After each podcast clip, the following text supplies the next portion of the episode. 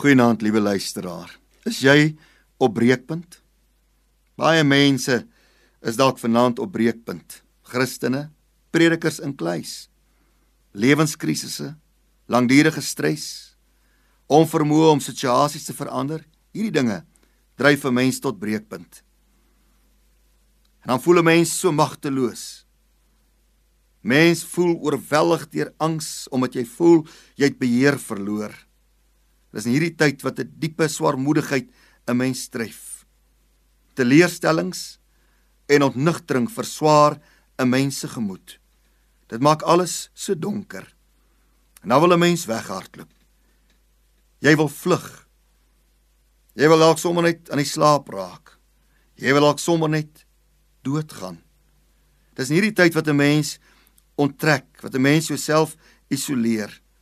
Dis 'n tyd van verwonding wanneer 'n mens absoluut die diepste, ergste hartseer beleef wat jy dink ander nie sal verstaan nie.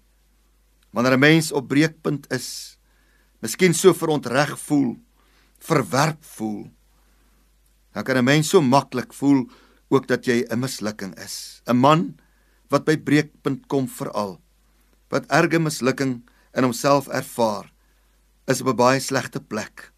So 'n man voel ook maklik hy het sy familie gefaal. Hy het God gefaal. En een van die ergste dinge wat 'n mens dan kan tref, is hierdie ontsettende diep gevoel van minderwaardigheid. Wanneer 'n mens saam met Psalm 22 vers 7 sê, "Maar ek is 'n wurm en geen man nie." 'n Mens kan in hierdie tyd, hierdie breekpunt tyd van jou lewe, so God verlate voel.